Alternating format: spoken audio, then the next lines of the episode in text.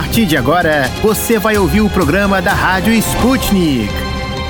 Olá, ouvintes. Eu sou a Tayana de Oliveira e ao lado da Melina Saad apresento o programa de hoje da Rádio Sputnik. Vamos nessa, Thay, trazendo agora os destaques desta quinta-feira, 7 de abril. Os partidos União Brasil, MDB, PSDB e Cidadania afirmaram que vão anunciar no dia 18 de maio o nome para uma candidatura única das quatro siglas à presidência da República. Até agora, a senadora Simone Tebet, do MDB, é a mais cotada para encabeçar a chapa única, mas 13 líderes de diretórios do partido partido, principalmente no Nordeste, querem apoiar Lula no primeiro turno. Além disso, Tebet tem índices baixos de intenção de voto. Também são cotados para a corrida eleitoral o ex-ministro Sérgio Moro, do União Brasil, e o ex-governador de São Paulo, João Dória, do PSDB. A terceira via é o nome dado a uma tentativa de eleger um candidato além do ex-presidente Luiz Inácio Lula da Silva e do atual chefe do executivo Jair Bolsonaro. Falando em Bolsonaro, o presidente anunciou nesta quarta-feira o fim da bandeira escassez escassez hídrica. Com isso, a conta de luz passará a ter bandeira verde a partir do dia 16 de abril. Com a medida, o governo prevê uma redução no valor cobrado pela energia de até 20%, mas especialistas citados pelo Estadão acreditam que a redução média na conta de luz do consumidor residencial seja de apenas 6,5%. A bandeira de escassez hídrica é a mais cara do sistema e foi criada por uma resolução do Comitê de Monitoramento do Setor Elétrico, vinculado ao Ministério de Minas e Energia no ano passado. A tarifa estava sendo incluída nas contas de luz desde setembro. A implantação do valor foi uma tentativa de cobrir os custos adicionais diante das medidas adotadas para enfrentar a escassez hídrica. O ministro das Relações Exteriores do Brasil, Carlos França, pediu ao secretário de Estado dos Estados Unidos, Anthony Blinken, uma licença especial para que o Brasil possa comprar fertilizantes de países que estão sancionados em decorrência do conflito na Ucrânia. A informação foi divulgada pela Folha de São Paulo. De acordo com o jornal, a declaração foi dada em audiência pública na Comissão de Relações Exteriores no Senado nesta quarta-feira. A Rússia é responsável por 23% dos fertilizantes importados pelo Brasil. Além disso, o país importa um grande percentual de fertilizantes de outros países do leste europeu. Por causa da atual situação, o Brasil pediu permissão dos Estados Unidos para que as empresas brasileiras possam negociar com países como o Irã e a Rússia sem sofrerem penalidades. Na cena internacional, a União Europeia não chegou a um acordo sobre o novo pacote de sanções contra a Rússia. A última rodada de restrições econômicas foi proposta pela Comissão Europeia no início da semana. Fontes familiarizadas com o assunto explicaram o fiasco, citando problemas técnicos que precisavam ser resolvidos. Entre eles está o banimento da importação de carvão, que afetaria os contratos existentes. A Rússia é responsável por aproximadamente 45% das importações de carvão carvão da União Europeia. Um oficial do Corpo de Fuzileiros Navais da Marinha dos Estados Unidos foi banido do Twitter por questionar as declarações das autoridades ucranianas de que os soldados russos teriam massacrado civis em Bucha. O Twitter alegou que Scott Ritter violou as regras da plataforma e, por isso, teve a conta suspensa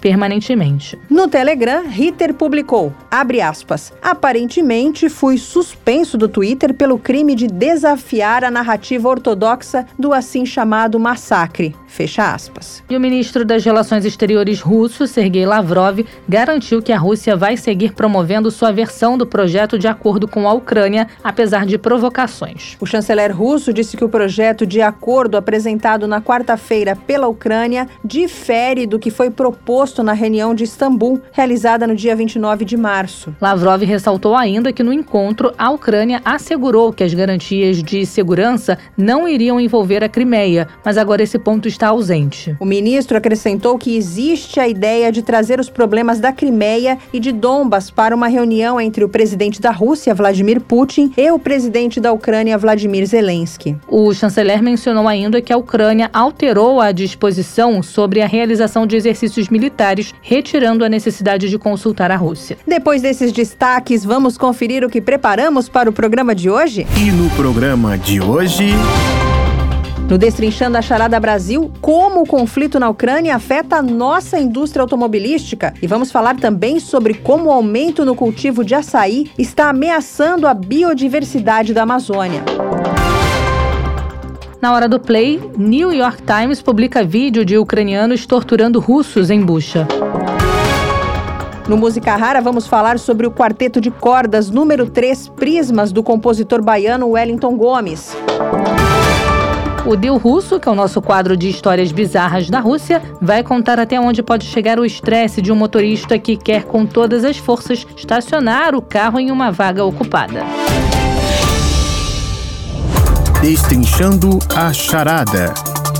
De dentro e fora do Brasil. Política, economia, sociedade e tudo que engloba o maior país da América Latina.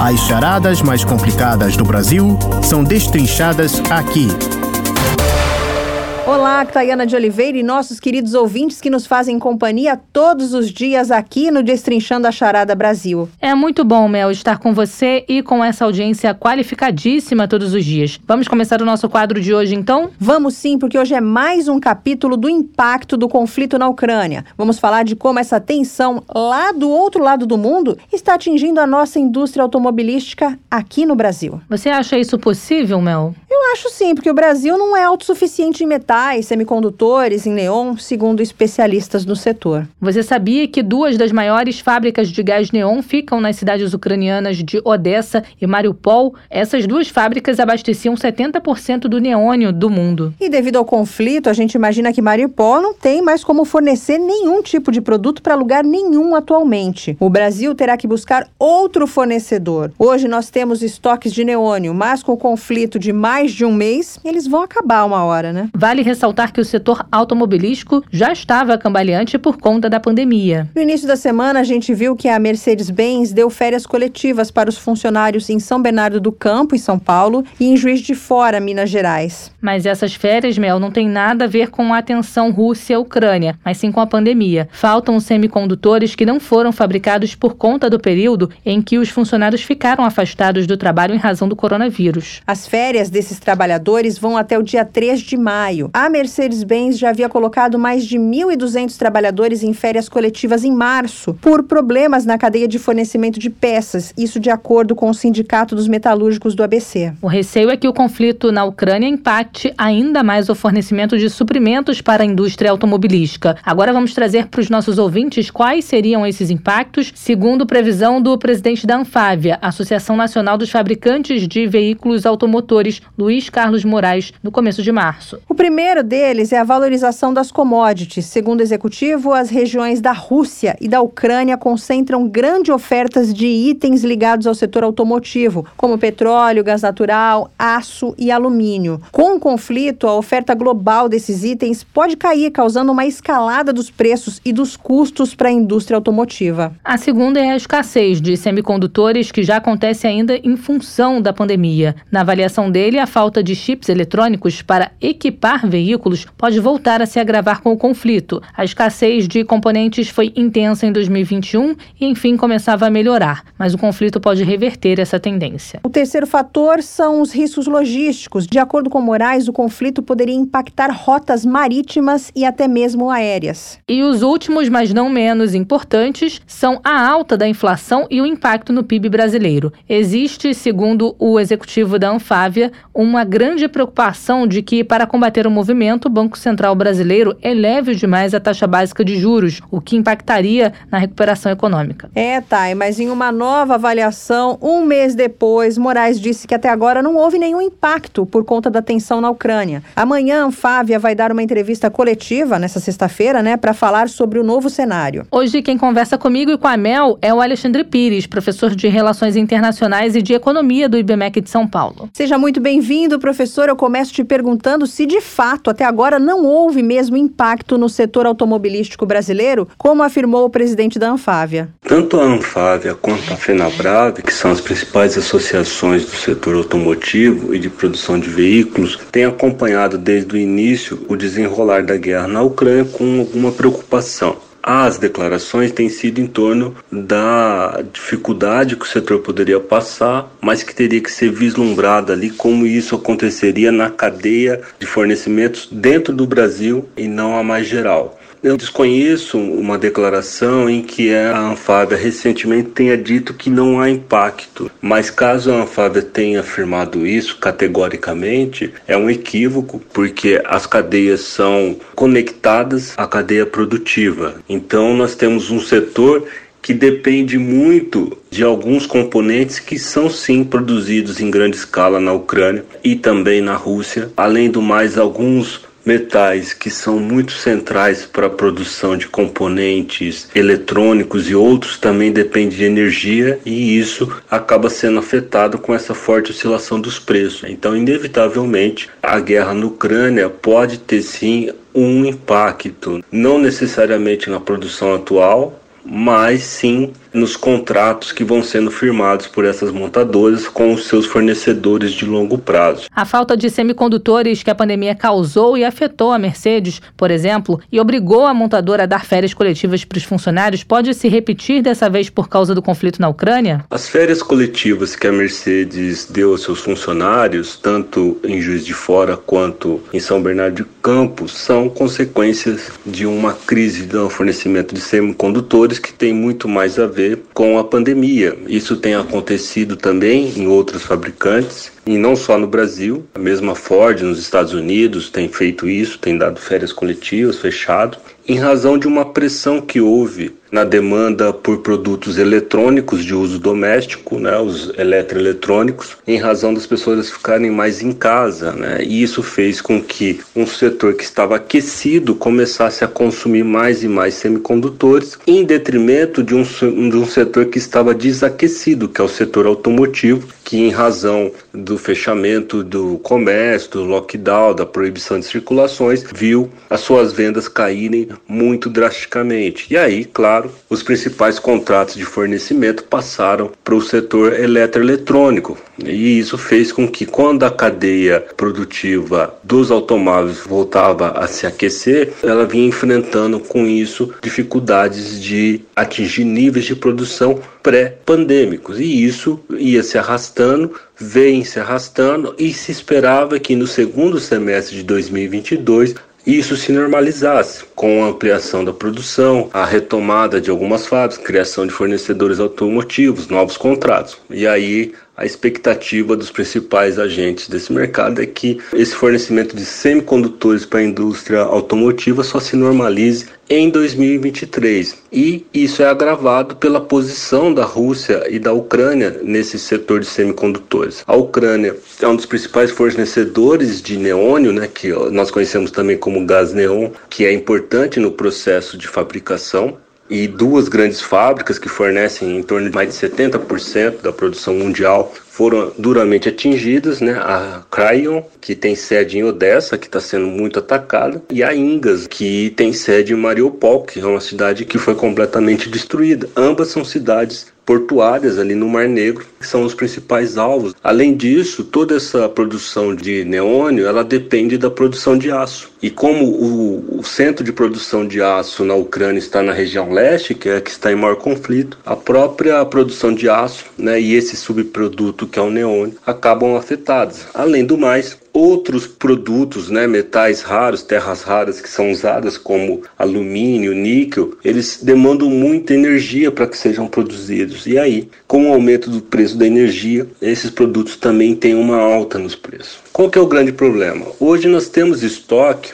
de neônio. Todos os agentes desse mercado indicam que eles têm estoques, mas esses estoques eles estão sofrendo uma pressão grande e esses contratos de fornecimento não são feitos com o que nós chamamos de spot price, né, os preços ali que nós vemos de cotação. Eles são feitos com preços de contrato. Então existem alguns contratos que estão sendo mantidos e regulam esses preços e esses fornecimentos. Mas os novos contratos vão ser naturalmente reajustados e a capacidade de fornecimento dentro desse novo cenário vai ser reduzida, vai ser um fator complicador. Então, é claro que agora todo esse setor fica desarranjado porque ele tem uma perspectiva muito curta de futuro. É uma situação complexa, que inclusive poderia ter uma explicação mais longa ainda de toda essa cadeia, mas a grosso modo é essa situação que nós temos agora, né? Ou seja, as férias coletivas da Mercedes no Brasil é uma consequência da pandemia. O fato do Brasil ser um parceiro da Rússia e não ter imposto sanções pode diminuir esse impacto? O fato do Brasil estar associado aos BRICS, que é o grupo de países que congregam China, Rússia, né, a Índia e a África do Sul, não muda a posição das empresas brasileiras na cadeia de fornecimento. Essa cadeia é uma cadeia global com os principais fornecedores estando em Taiwan e na Coreia, mas também no Texas, também na China e também numa cadeia ali de fornecimento de materiais de base, pegando Rússia, Ucrânia e vários outros países, mas nós não conseguiremos contornar essa situação em razão da nossa associação com esse país. Mas esse tipo de setor, que é o setor de semicondutores, ele tem os seus preços muito determinados por uma situação naturalmente geopolítica, mas também uma situação do mercado, então, especialmente do mercado de energia. Claro que toda essa situação pode afetar a posição do Brasil, mas nós não vamos conseguir escapar disso em razão da nossa proximidade com os países dos BRICS. Há espaço para outras negociações com empresas russas? As empresas russas que atuam no setor de semicondutores, elas não são fornecedoras diretas das empresas automotivas brasileiras e o Brasil não participa diretamente dessa cadeia de semicondutores. Nossa indústria de semicondutores existe, mas ela é bem diminuta. Ela perdeu muita força, o Brasil não conseguiu constituir uma grande indústria de semicondutores depois dos anos 70 e ela não tem relação com esses processos mais sofisticados como de fotolitografia e todos esses setores que são muito ligados a empresas alemãs, taiwanesas, sul-coreanas que é um setor muito fino dessa produção. Nós não temos contato com isso. Então, qualquer diplomacia econômica com os russos no momento não aliviariam esse gargalo que as empresas do setor automotivo brasileiro vêm passando em razão aí dessa crise mundial no fornecimento de semicondutores, não só para o Brasil, mas para todas as fábricas do mundo. Ou seja, o setor automotivo vem enfrentando uma concorrência de outros setores que demandam altamente cargas e mais cargas de semicondutores e conseguiram, durante a pandemia, ficarem com uma posição vantajosa em relação ao setor automotivo. Vai demorar um tempo para o setor automotivo ter contratos mais estáveis de fornecimento e retomar ali seus níveis de produção pré-pandemia. Nós falamos com Alexandre Pires, professor de Relações Internacionais e de Economia do IBMEC de São Paulo. Muito obrigada pela parceria e até uma próxima oportunidade. A gente muda de assunto agora, mas antes te faço uma pergunta. Você gosta de açaí, Mel? Mel? Eu adoro açaí, ainda mais se for com mel, com abacate. Hum. Pois, assim como você, milhões de brasileiros não dispensam a fruta, seja em forma de polpa congelada ou pura, com farinha e peixe, como tradicionalmente é consumida no norte do país. Ah, é verdade que o açaí ganhou o país nas últimas décadas. A fruta se tornou mania, principalmente nas academias. Mas antes dessa fama toda, o açaí já fazia parte da dieta da população no norte do país. A frutinha redonda, de cor roxa, que cresce cresce em cachos, é consumida praticamente todos os dias pelos moradores da região amazônica. O açaí é rico em antioxidantes e fibras e tem alto valor energético. Atualmente, a fruta pode ser encontrada em forma de polpa congelada em várias cidades do Brasil e também em países como os Estados Unidos e Emirados Árabes. O Brasil concentra cerca de 85% da produção mundial de açaí, com uma média de um milhão e meio de toneladas entre 2015 e 2020. O Pará é o maior consumidor interno e também o maior exportador da fruta. 95% da produção nacional sai do estado. A maior parte da produção, especialmente nas regiões de várzea, está nas mãos dos ribeirinhos e famílias de agricultores. Só que para atender essa demanda, a área plantada, tanto em terra firme como em manejo de várzea, passou de 77,6 mil para 188 mil hectares em 10 anos. Dados da Federação das Indústrias do Estado do Pará revelam que nos últimos 10 anos houve um aumento de quase 15 mil por cento nas exportações do açaí. Atualmente existem 118 indústrias no Pará dedicadas ao processamento do açaí. Algumas têm cultivo próprio, mas todas ainda dependem da produção dos ribeirinhos para manter o abastecimento. E essa disparada da produção rendeu milhões de dólares para os produtores, além de gerar emprego e renda para muitas famílias ribeirinhas. Por outro lado, a natureza está pagando o preço desse sucesso do açaí. Um estudo divulgado no jornal acadêmico Biological Conservation aponta que o aumento do cultivo está ameaçando a biodiversidade da Amazônia. A pesquisa começou em 2013 e englobou áreas mapeadas em um trecho de 376 mil quilômetros quadrados no leste da Amazônia, onde está o maior núcleo de produção e colheita de açaí no Brasil. O estudo, feito por cientistas de instituições nacionais e internacionais, analisou 47 áreas de várzea na região da Foz do Rio Amazonas, no Pará, onde é realizado o manejo de açaizeiros. Segundo os especialistas, árvores símbolo da Amazônia, como a samaúma e o jatobá, estão desaparecendo para dar lugar a campos de monocultura de açaí. Para entender mais sobre o assunto, nós vamos bater um papo com o analista da Embrapa Amazônia Oriental, José Antônio Leite de Queiroz, que é doutor em engenharia florestal com ênfase em dendrometria e inventário florestal. Muito obrigada por nos atender, José Antônio. Olha, o prazer é meu. José Antônio, qual que é a importância de fazer esses estudos como esse publicado no jornal acadêmico Biological Conservation? Olha, é muito importante porque esse tipo de trabalho que permite que a sociedade conheça é, os recursos naturais existentes na sua região e também ficar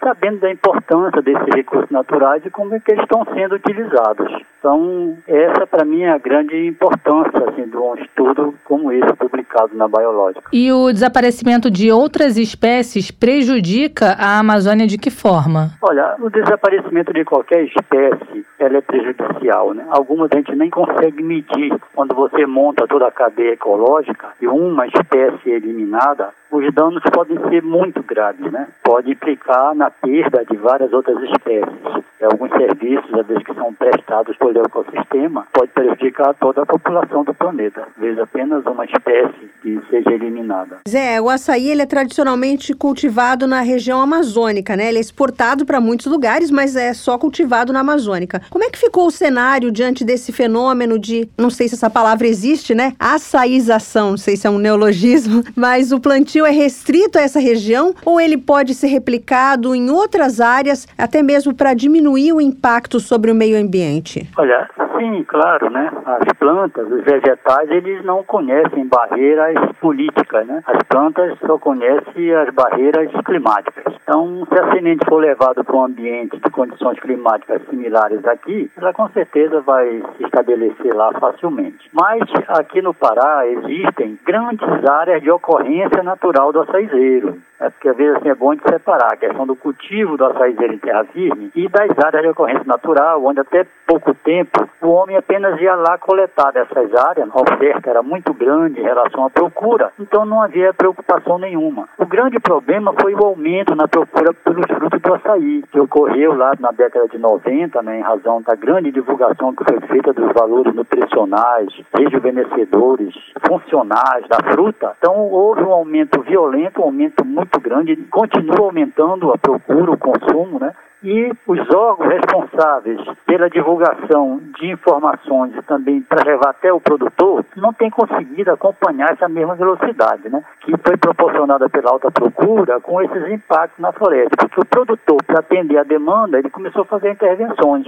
e as intervenções retirada da vegetação lenhosa, arbórea, né? Para aumentar a população de açaizeiros, para aumentar a produção de frutos. Então esse é o grande problema. Mas a Embrapa já vem desenvolveu estudos ainda no final da década de 90, início de 2000, tem repassado essas informações para as instituições responsáveis pela extensão rural, aqui no nosso caso a EMATE, a Secretaria Municipal de Agricultura, né? Só que é um, é um processo lento para você ver os efeitos, para derrubar é muito rápido. Eu chego lá com uma motosserra e coloco uma área imensa de floresta no chão. Agora, para recuperar, vai levar 15, 20 anos para você começar a enxergar uma floresta secundária. Mas nós estamos trabalhando, estamos divulgando os conhecimentos gerados e alguns resultados já começam a ser observados. Agora, José, você falou aí sobre a questão da retirada da vegetação em torno desses açaizeiros. Isso, inclusive, afeta a produção do açaí, né? Sim, muito. Os açaizeiros são totalmente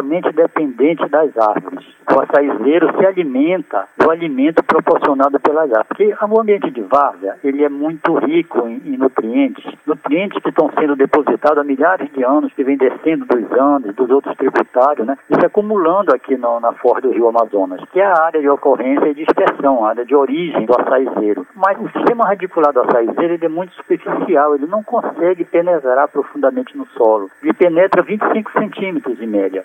Tira esse, nutriente rapidamente dessa camada superficial e as árvores é que têm o sistema radicular pivotante que penetra profundamente no solo, vai buscar os nutrientes que estão lá mais embaixo, joga para cima do solo, né, porque ele sobe, vai para as folhas, a folha amadurece, cai, decompõe em cima do solo e o açaizeiro se alimenta desse material da decomposição das folhas. Quando eu tiro as árvores, que não tem mais quem puxe esse nutriente lá das áreas mais profundas para cima do solo, ele para de produzir. Em alguns locais, os produtores abandonam as áreas porque o açaizeiro para de produzir começa a amarecer, porque não tem nutrientes para ele, e ele termina morrendo. José, você acabou de falar, é todo um processo aí que tem que ser respeitado, nem sempre é por conta da demanda da produção. A gente quer saber qual é a forma correta de manejo para a gente ter sempre uma produção sustentável no Brasil. É exatamente isso que a Embrapa vem fazendo, né? divulgando os produtores, nós ministramos treinamento, nós vamos lá para a área do produtor, vamos para a floresta,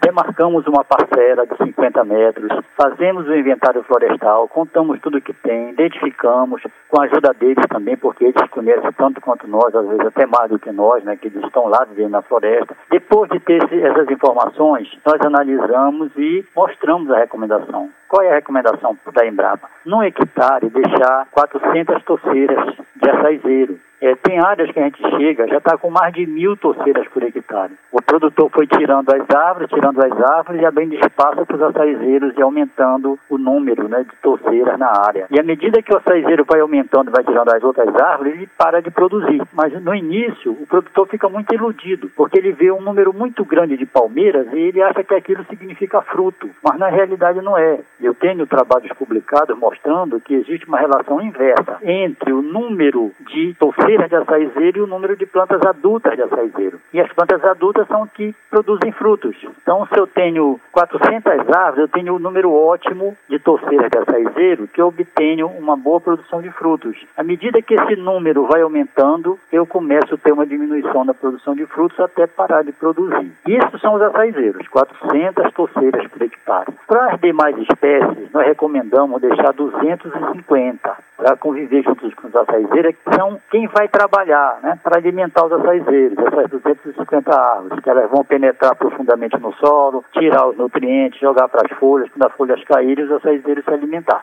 Sendo que, o grande detalhe, né, que é assim, o segredo da tecnologia, essas 250, 150 tem que ser árvores finas, árvores jovens, né, ou pela própria característica genética dela, que é árvore que não se desenvolve muito, árvores pequenas. Porque se eu deixar 250 árvores tudo grossa, elas vão criar tanta sombra também que os açaizeiros não vão conseguir produzir, entendeu? Então, 150 finas, 50 árvores médias e 50 árvores grossas. Uma árvore fina, nós consideramos aquela que tem de 15 a 60 centímetros de circunferência à altura do peito, e as médias de 60 até 140 centímetros, e as grossas acima de 140 centímetros de circunferência. Essa é a recomendação básica, né? Agora, as torceiras de açaizeiro e essas árvores devem estar bem bem distribuídas na área. Quanto melhor a distribuição, maior a produção de frutos o produtor vai obter. Agora, existe um projeto na Embrapa que ensina justamente esse modo correto de manejo, né? Vou te pedir para falar um pouco para os nossos ouvintes sobre o Manejaí, como ele contribui para o aumento na produtividade do açaí. O Manejaí nasceu da necessidade de perpetuar esses projetos na região. Que normalmente os projetos técnicos têm uma vida útil de quatro anos. Vezes você aprova um projeto, tem uma fonte de recurso, quatro anos depois o projeto termina, pronto. Aí você começa a trabalhar com uma comunidade, começa a levar o conhecimento para ela, estabelecer as parcelas de estudo e quando acaba o projeto a gente não consegue mais voltar lá, não consegue saber o que é que foi feito, se a comunidade realmente está seguindo, se conseguiram assimilar direitinho então, o Manejaí foi uma tentativa de fazer com que esse conhecimento se perpetue e fique na comunidade, né? Mesmo depois de terminado o projeto, a gente continua mantendo contatos com a comunidade, contribuindo para que eles tenham acesso a recursos para implementar as atividades recomendadas. É um centro de referência em manejo de açaizar do Marajó, que é o Manejaí. Aí envolve a questão da organização social, que isso é importantíssimo, né? Muitos projetos, às vezes, não dão certo porque a comunidade não tem um grau de organização suficiente para aproveitar os conhecimentos e os recursos, já vez que são levados para a comunidade, a relação com o mercado e com a informação. São, assim, fatores muito importantes para que um projeto tenha sucesso e que a comunidade possa, de fato, ser beneficiada. José, você falou de várias técnicas. Eu queria saber se o manejo de mínimo impacto é uma solução para ajudar na preservação da Amazônia e se você pode explicar qual é essa técnica. Ela é diferente daquilo que você já falou anteriormente aqui para gente? Não, o manejo de mínimo impacto, na realidade, é isso, né? É você distribuir bem as plantas na área. Em que, é que consiste o manejo de mínimo impacto de açaizal nativo da Embrapa? É, consiste no estabelecimento de quantidades adequadas de árvores e de torceiras de açaizeiros numa mesma área, bem distribuídas, para que elas possam ter acesso de forma igualitária aos recursos naturais, né, como nutrientes, como água, como luz, e cumprir suas funções ambientais, que é proteger o solo, manter a regularidade do clima, servir de abrigo para os animais, produzir alimento para os animais. Essa, essa é a tecnologia de manejo de mínimo impacto da Embrapa. E essa tecnologia já está sendo colocada em prática? Em quais áreas? Toda a região do Marajó, a região do Baixo Tocantins, nós já ministramos treinamento para os técnicos da EMATE e da Secretaria Municipal de Agricultura de todos os municípios do Baixo Tocantins, que são grandes produtores de fruto de açaí, e do Marajó também. Nós demoramos um pouco, né, às vezes por falta de recurso. O serviço público não consegue acompanhar a velocidade das iniciativas e das demandas da sociedade. Mas a partir de 2016, nós tivemos uma ajuda do PNUD, né, que é o Programa das Nações Unidas, através do projeto Bem Diverso, e nós conseguimos levar essas informações para todos os municípios do Marajó e para todos os municípios também do Baixo Tocantins para todos os escritórios das EMATES, do, dos técnicos e também dos técnicos da Secretaria Municipal de Agricultura. Então, agora é uma questão de tempo. Né? É, os técnicos da EMATE estão trabalhando. Em 2019, logo após a capacitação, eles treinaram mais de 2 mil ribeirinhos. Daí veio a pandemia, eles também tiveram que dar uma parada, como nós também. Né? Agora que nós vamos reiniciar desde 2019, em razão da pandemia. Mas está tudo certinho. Nós estamos agora com um recurso da União Europeia para dar continuidade a esse projeto que era com o Programa das Nações Unidas e acho que a partir de maio a gente retoma as atividades na região do Marajó. Tá certo, nós conversamos com o analista da Embrapa Amazônia Oriental, José Antônio Leite de Queiroz, que é doutor em engenharia florestal com ênfase em dendrometria e inventário florestal. Muito obrigada pela sua participação, José. Obrigada por nos atender, José. Até a próxima. Ok, eu que agradeço a oportunidade. Estamos sempre à disposição. É importante fazer esse alerta e cuidar da nossa riqueza natural. Pois é, já falamos aqui sobre outros problemas que ameaçam a Amazônia e não podemos deixar de preservar nossa floresta. Esse foi o Destrinchando a Charada Brasil de hoje. Até amanhã.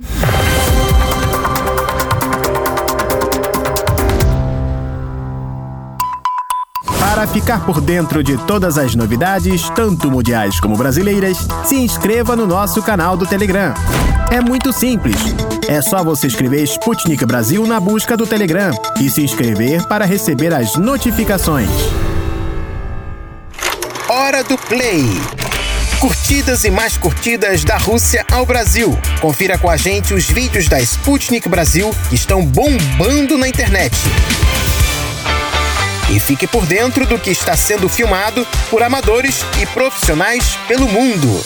Vamos agora para o momento mais esperado do dia, que é a hora do play. Direto de Moscou, Tito da Silva, o que, que você manda? Olá, queridos amigos da Rádio Sputnik. Eu sou o Tito da Silva e estes são os vídeos da Hora do Play. E para quem não sabe onde ver os vídeos da Hora do Play, fique sabendo que eles estão na plataforma de vídeos Odyssey. Basta digitar no seu navegador Sputnik Brasil Odyssey e você encontrará os vídeos. Não sabe escrever Odyssey? Eu soletro para vocês. O D Y S E E. E no primeiro vídeo desta quinta-feira, 7 de abril, O jornal The New York Times informou na quarta-feira 6 ter verificado um vídeo que está circulando nas redes e que mostra um grupo de soldados ucranianos matando tropas russas capturadas nas proximidades de Bucha, perto da capital de Kiev. O vídeo surgiu na segunda-feira, dia 4, e mostra um grupo de soldados ucranianos ao redor de militares russos que estavam no chão agonizando após serem gravemente feridos. O material seria uma prova entre diversas denúncias de torturas e execuções de soldados russos feitos por prisioneiros durante o conflito na Ucrânia o que é uma grande violação dos direitos dos prisioneiros em conflitos armados em nível internacional. O vídeo não é o primeiro do tipo a circular nas redes sociais. Diversas outras gravações mostram soldados ucranianos atirando contra as pernas de soldados russos que se renderam, além de outras atrocidades. Encontre o vídeo com mais detalhes na Odyssey digitando New York Times verifica vídeo de tropas ucranianas matando russos em Bucha. E no segundo vídeo de hoje, o gigante do mundo dos bancos, o Deutsche Bank, previu recessão econômica nos Estados Unidos em 2023. Em um relatório feito pelos principais economistas do banco, a economia norte-americana deverá apresentar resultados negativos e isto será consequência das altas taxas de juros adotadas pela Reserva Federal do país. A alta dos juros é uma estratégia usada pela Reserva Federal para combater a alta inflação que os Estados Unidos têm vivido nos últimos meses. Anteriormente, o banco Goldman Sachs afirmou que o dólar está enfrentando o risco de perder sua importância global, ao passo que apresenta os mesmos problemas característicos que a libra esterlina durante o início do século XX, que precederam sua perda de relevância no mercado internacional e no mundo das finanças. O Goldman Sachs também alertou que a queda da economia norte-americana é algo que dificilmente poderá ser evitado. O vídeo sobre a provável recessão norte-americana você assiste digitando na Odyssey. Deutsche Bank prevê recessão na economia dos Estados Unidos em 2023. E por hoje é tudo, pessoal. Até mais. É lamentável a gente tomar conhecimento desse tipo de notícia. Existe o direito humanitário internacional para garantir que as pessoas não sejam torturadas. E que não haja também um tratamento covarde e desigual. Amanhã a gente volta a se falar, Tito. Até sexta.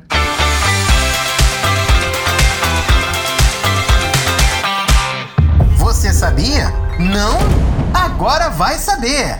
Num país gigante como o Brasil, sempre há mistérios ou peculiaridades históricas que merecem ser desvendados. Vem com a gente descobrir!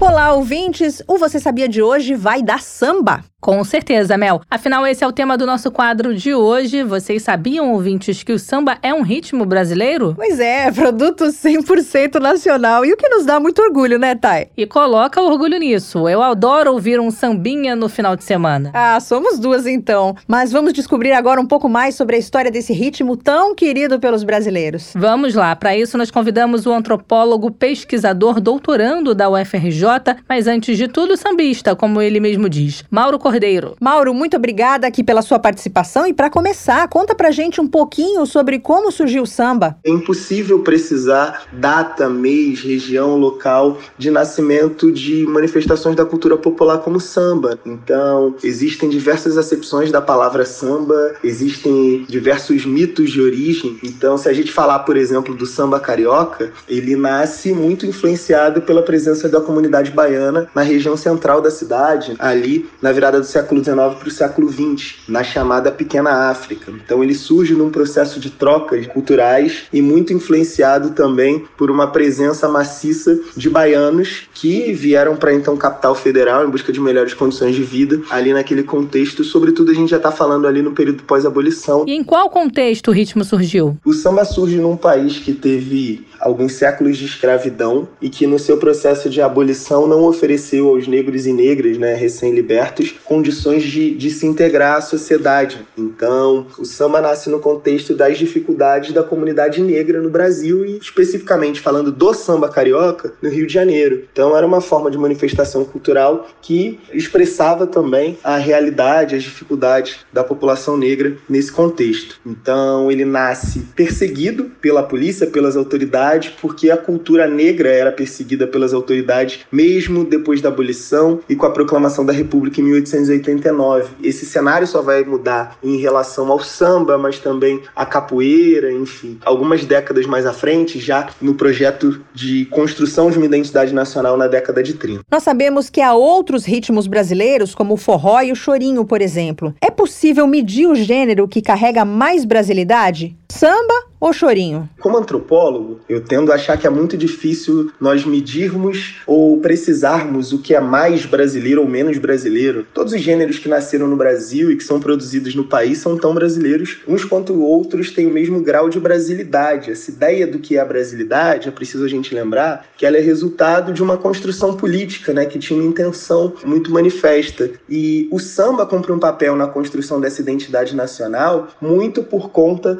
da capacidade dos sambistas de, através de um processo de negociação, de mediação, que envolveu conflitos, dialogando com uma intelectualidade né, que está produzindo, buscando elementos que vão marcar nossa nacionalidade ali na década de 20, sobretudo, de conseguir transformar o samba ou de mostrar que o samba poderia cumprir esse papel de ser um veículo né, produtor dessa integração nacional. A gente está falando de um país de dimensões continentais que, em determinado momento, vai construir a sua identidade a partir das manifestações da cultura popular e o samba ocupa esse papel justamente por uma construção muito sofisticada dos sambistas que almejaram esse espaço. Isso não transforma o samba num ritmo que seja mais ou menos brasileiro do que qualquer outro. Apenas nos ajuda a entender a dimensão que esse gênero ocupa quando se fala do Brasil e dessa ideia construída a respeito do que nós somos enquanto nação. E quanto ao berço do samba, há uma disputa entre cariocas e baianos? Afinal, qual é o berço do samba? O berço do samba carioca é o Rio de Janeiro, o berço do samba baiano é a Bahia. É uma resposta óbvia, mas essas perguntas de origem sempre nos colocam em determinadas situações complicadas, né, da gente poder responder de forma precisa. Na realidade, o que a gente pode dizer é que tem uma influência importante de uma comunidade baiana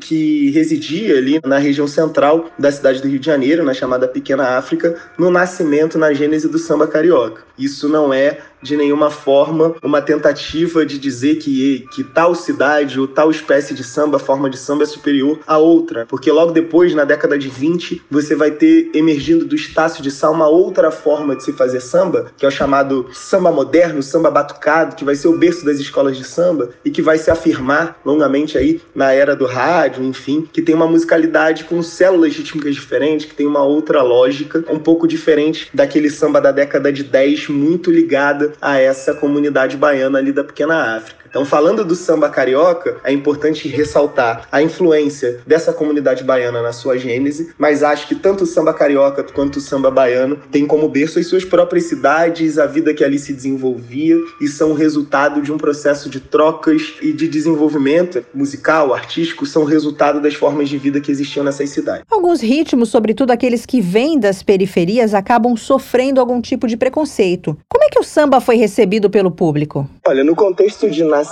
né, de origem, de quando ele surgiu, a gente tem que entender que ele surge antes de estar no mercado fonográfico. Então, ele surge nas rodas, como uma prática, como um espaço de sociabilidade, não necessariamente como um gênero musical já veiculado, enfim, recepcionado por um amplo público. E aí ele começa a se disseminar nas festas, nos espaços de sociabilidade da cidade, como a Festa da Penha, como os eventos, as rodas de samba que existiam na Pequena África e vão se espalhando por outros lugares da cidade, sobretudo os territórios periféricos, os morros, as favelas e os subúrbios. Então ele é recebido pelo público como uma novidade que vai se transformando e através dos carnavais, de espaços como a Festa da Penha, vai se transformando num ritmo, num gênero bastante popular. Agora falando sobre os artistas, na sua opinião, quais são os principais nomes do samba? Olha, a lista de nome é muito complicada, mas a gente é infindável a relação dos nomes importantes quando a gente fala do samba. E qualquer escolha, ela acaba por incorrer no erro porque a gente está falando de algo que não é objetivo. Eu gostaria de destacar o nome da figura da Tia Ciata, que além de uma grande, muito importante pela sua liderança social e política, foi uma musicista, uma partideira, compositora, que reivindicou inclusive a autoria do Pelo Telefone. A gente pode falar da Dona Ivone Lara, a gente pode falar de Cartola, Paulo da Portela, Martinho da Vila, Paulinho da Viola, uma série de artistas fundamentais na construção da própria música popular brasileira. Como é que o samba saiu do samba de roda e chegou ao ritmo que nós conhecemos hoje? Como é que foi essa transição? O samba de roda, sobretudo, é uma tradição é, muito relacionada ao samba baiano, né? Se a gente falar do samba carioca, nesse primeiro momento, em relação ao que ele era nas primeiras décadas do século XX, ele tinha essa característica e vai se transformar a partir da ação de um grupo de músicos e compositores do Estácio de Sá, no que fica conhecido como samba batucado, né? O paradigma do Estácio, ou seja, você tem uma transformação na musicalidade do samba para conferir um ritmo que esteja mais adequado ao desfile em cortejo. Então, você tem uma mudança na sonoridade do samba, que deixa de ser mais próximo do que alguns críticos chamavam de um samba machichado e se transforma num samba que tem na questão percussiva, sobretudo, a sua principal característica num ritmo diferenciado e é esse samba moderno do Estácio de Sá, batucado, que vai se transformar no samba que a gente conhece, que através da era do rádio vai se converter num símbolo nacional. Foram criados alguns instrumentos especificamente voltados para o samba? Existe um debate que está inclusive na obra do Lira Neto, falando a respeito dos compositores do Estácio, da reivindicação de autoria do próprio surdo, que teria sido uma invenção para esse novo ritmo, então a própria cuíca, mas são esses debates de origem de instrumentos, de musicalidade, sempre são muito complexos, porque a gente encontra dados e documentos históricos de séculos atrás com instrumentos muito parecidos, né? A própria puíta, num instrumento de origem africana, no qual muito semelhante à cuíca e do qual você encontra por todo o Atlântico Negro, por toda a diáspora, é, instrumentos também semelhantes. A gente pode pensar no repique, a gente pode pensar no tantã, vários instrumentos criados para o exercício do samba. Realmente, a história do samba é de fato fascinante. Mauro, muito obrigada aqui pela sua participação. Obrigada, Mauro. Você sabia de hoje fica por aqui. Até a próxima.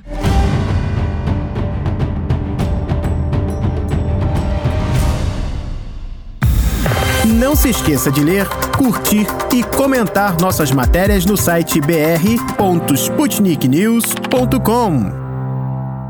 Mistura do Brasil com Moscou. A mistura agora é com a Rússia e a coreografia já está pronta. Com os gingados russos e brasileiros, as relações estão em sintonia entre estes dois gigantes. Em parceria com o projeto Música Rara Brasileira, a Rádio Sputnik tem o prazer de apresentar o quarteto de cordas número 3, Prismas, do compositor baiano Wellington Gomes, professor de composição da Escola de Música da UFBA. A obra foi escrita em 1991, mas só foi gravada em fevereiro passado em Moscou pelo quarteto de cordas Open Sound Orchestra. Isso mesmo, Mel. Essa foi a primeira gravação da obra que costuma ser associada à fase mais experimental do compositor. E para conhecermos mais sobre sobre o quarteto de cordas número 3 Prismas e sobre o trabalho de Wellington Gomes, nós convidamos o próprio compositor. Olá, professor Wellington, seja bem-vindo à Rádio Sputnik. Podemos começar falando um pouco sobre o quarteto de cordas número 3 Prismas. Que inspirações atravessam essa composição? A obra que será tocada chama-se Quarteto de Cordas número 3, com um subtítulo Prismas e trata de uma atitude composicional mais experimental, com campos harmônicos e melódicos baseados na atonalidade. Nessa época, eu estava finalizando, digamos assim, uma segunda fase na minha carreira, uma fase baseada em contextos atonais, mais experimentais. Após isso, iniciaria uma trilha musical mais híbrida, de contextos mistos, tonal a tonal, centralidades tonais livres. Em fevereiro desse ano, essa obra foi gravada pela primeira vez em Moscou pelo quarteto de cordas Open Sound Orchestra. Como foi essa experiência para o senhor? Foi com muito prazer que ouvi a gravação dessa obra. Prazer dobrado ainda, porque foi, na verdade, a estreia mundial dessa obra. Nunca foi estreada no Brasil. Estava composta lá e adormecida. Um grande prazer ouvir pelo quarteto de cordas Open Sound Orchestra. Músicos excelentes, que maravilha! Em que momento da sua vida como compositor o quarteto de cordas número 3 Prismas se encaixa? O que essa composição nos revela sobre o compositor Wellington Gomes? Em suma, Essa obra representa parte dessa fase de experimentos atonais, uma espécie de transição para a fase que viria a partir de 1992 por exemplo, com a obra Fantasia, que eu escrevi para violoncelo e orquestra de câmara, foi tocada inúmeras vezes por aí, e muitas outras obras baseadas numa manipulação musical, misturando efeitos atonais dentro de campos tonais livres. Professor, essa obra faz parte de um conjunto de três quartetos, certo? O senhor poderia falar um pouco sobre cada um? Como eles dialogam entre si, como eles se complementam? Essa obra faz parte de um conjunto conjunto de três quartetos de cordas que escrevi em momentos distintos. Quarteto número 1, um, em 1980, uma obra ainda baseada num tonalismo livre, que na verdade foi minha primeira obra composta dentro já do ambiente da universidade. No primeiro ano da universidade, quando participei também com essa obra do meu primeiro concurso de composição, chamado Apresentação de Compositores da Bahia. E para minha grata surpresa, ganhei o primeiro prêmio. Foi a minha, o primeiro prêmio, minha primeira obra premiada. O segundo quarteto, que foi composto em 1983, que chama-se Molduras Sertanejas, foi baseado num contexto harmônico mais híbrido, ritmicamente, harmonicamente, mais rebuscado que o primeiro, mas ainda com traços de centralidades tonais uma obra também premiada. Primeiro lugar no concurso nordestino de composição camerística e também, para minha surpresa, mais um prêmio.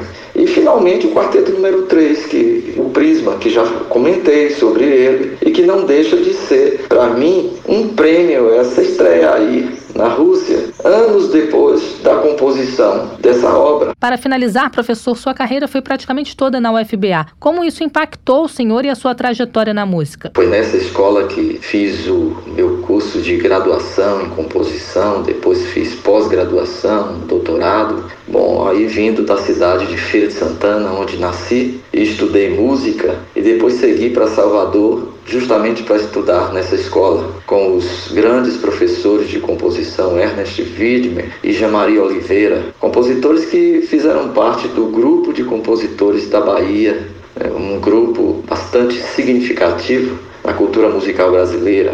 Em 2002, lancei um livro que fala desse grupo, suas obras analisadas e um contexto histórico muito bacana. O título do livro, Grupo de Compositores da Bahia, dois pontos, estratégias orquestrais. Foram esses compositores que me influenciaram a minha vida, o começo da minha vida no mundo da composição.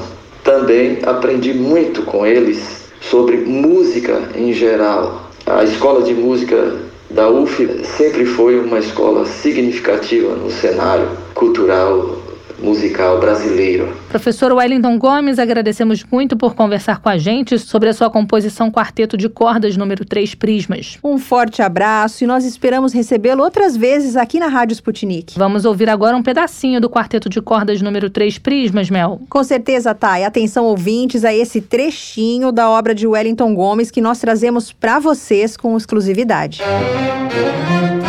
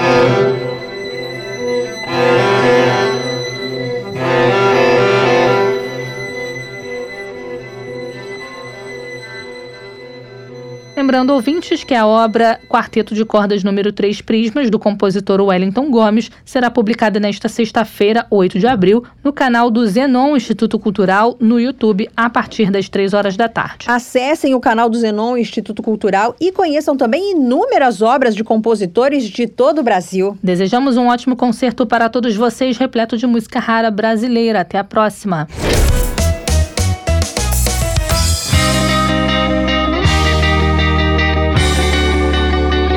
Deu Russo. De notícias bizarras do Brasil já estamos mais que saciados. E as bizarrices que acontecem na Rússia, hein? É outro nível, rapaziada. Ih, deu russo!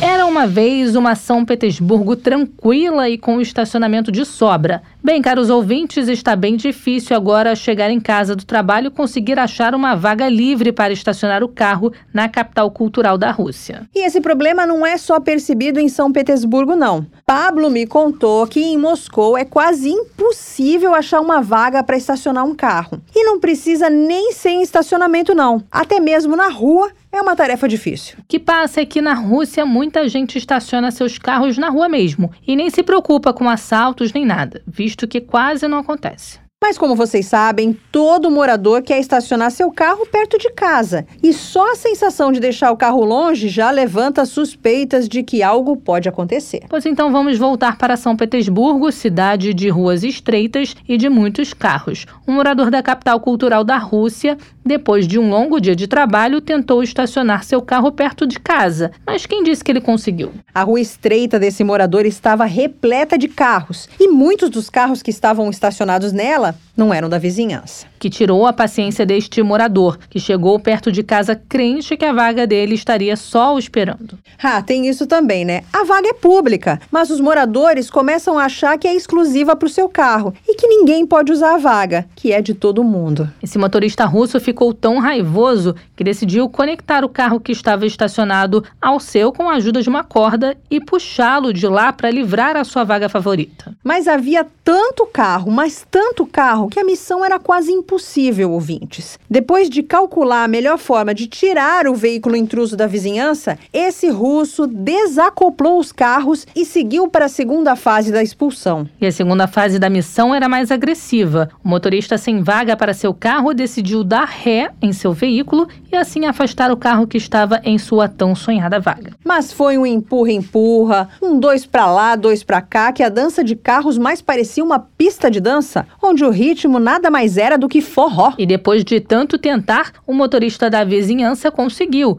não expulsar o carro intruso, mas afastá-lo um pouco para estacionar o seu carro. Sabe de uma coisa? Eu acho que essa confusão não parou por aí, pois o outro carro intruso ficou literalmente sem saída. Na parte traseira havia um prédio tapando a saída dele e na dianteira o carro do motorista estressado. Ou seja, ouvintes para sair dali só esperando o russo da vizinhança acordar para tirar seu carro. O que, que, vocês acham? Teve confusão depois do forró automobilístico? Comentem no site da Sputnik Brasil no link da publicação do programa de hoje. E se vocês não sabiam que o programa é publicado no nosso site, basta entrar na página da Sputnik Brasil e digitar Mistura do Brasil com Moscou na busca, que vão aparecer todos os programas da rádio já adicionados.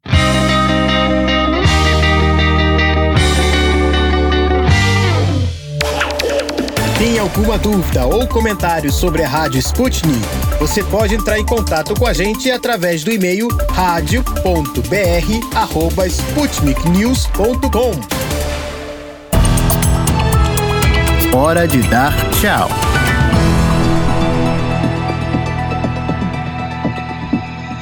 Nós chegamos ao fim do programa desta quarta-feira, dia 7 de abril. Eu tenho certeza que os nossos ouvintes vão continuar ligados em toda a nossa programação. Para isso, basta dar uma passadinha no site da Sputnik Brasil, br.sputniknews.com para conferir as notícias do momento. Lembrando que temos também nosso canal da Sputnik Brasil no Odyssey. Não dá para perder, né? Lá os nossos ouvintes encontram os vídeos dos assuntos mais importantes do momento, tanto no Brasil como no resto do mundo. Fiquem ligados também nas informações sempre atualizadas no Twitter e Telegram da Sputnik Brasil. Boa quinta-feira, gente! Até amanhã, pessoal! Você acabou de ouvir mais um programa da Rádio Sputnik.